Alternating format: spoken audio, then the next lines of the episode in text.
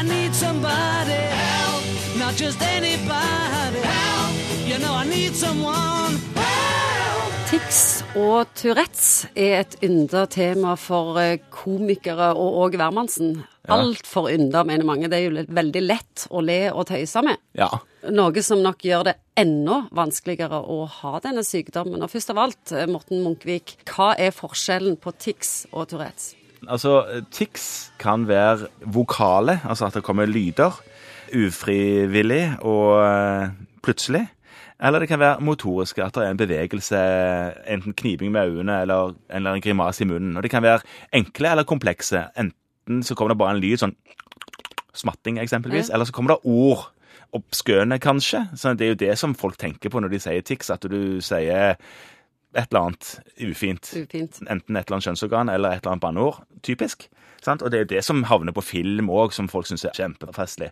Og bevegelser kan være eh, at de må springe eller hoppe, eller en eller annen oppskøen bevegelse. Og igjen, selvfølgelig kjempeartig eh, for alle som ser på, bortsett fra den det gjelder, at en står og har seg med et tre, eller et eller annet sånt, som de ikke har kontroll på sjøl, men det bare må på en måte gjøre det for å få en eller annen form for eh, Det må tilfredsstillelse. Det må på en må- måte ut. Det er ticsene. Og, og, og det er jo sånn at veldig mange barn, eller veldig mange, det er vel ca. 20 som har en eller annen form for tics en eller annen gangen i oppveksten som barn. Men, men så er det gjort med det. De har ikke noen diagnose. For det er Tourette. Du spurte om forskjellen på tics og Tourette. Tourette er bare en tilstand hvor tics varierer i styrke over dager, uker og måneder. Så Tourette er på en måte en, en diagnose som inneholder tics. Ja. Du sa at eh, det må ut. ja. Er det sånn at du kan holde tilbake? Du Ja, kan, altså det kan, du, det, det, kan, det kan nok stemme at de klarer kanskje å, å demme opp en stund, i alle fall når du har lært å hanskes med symptomer, men til slutt så, så må det ut, altså. Hva alder merker en først symptomene? Du sa barn. Det er jo ofte en diagnose som er der sammen med andre diagnoser. De, de har ofte andre utfordringer, andre diagnoser i tillegg til Tourette. Sjelden ses det alene, helt alene, men no, noen har bare Tourette. Og de kommer, kommer i barnealderen, sånn 10-12 år. Eh, Er det gutter eller jenter som får det oftest? Det er mer vanlig for gutter å ha dette. Jeg tror det er fire ganger cirka vanligere for gutter enn jenter. Og så finnes det en del tilleggsproblemer, nevnte du i stad. Ja, det gjør det. 50% av de som har uh, Tourettes, har òg ADHD. Ja, Oppmerksomhetsforstyrrelse, ja. Mm, Ja, stemmer. og ca. 30% har tvangstanker og tvangshandlinger. Ja, og, og, og jeg trodde egentlig det var mer med tvang, fordi, eh, men, men 30 OK. Eh, det er jo en del tvang i dette med Tourette òg. Man må bare gjøre det for å få en eller annen form for tilfredsstillelse. Akkurat det samme er det jo med tvang òg. Du må bare vaske hendene dine 10 000 ganger. Så det henger sånne- sammen. Det henger sammen. Så hvis en mor og far hører på dette og vet at eh, pjokken har hatt noen tics, Ja.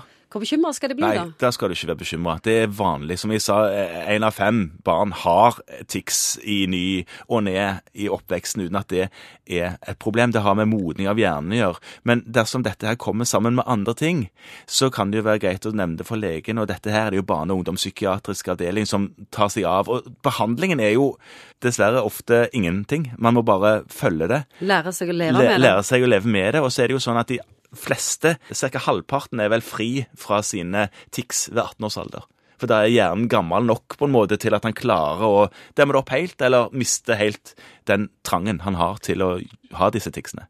Og hvis den har blitt 18 og 20 og 30, og Ja. de ikke har forsvunnet, hvordan, eh, etter din erfaring, er det å leve med tics? Dette er jo ikke en folkesykdom, men de som har det, de, de lærer seg å leve med det.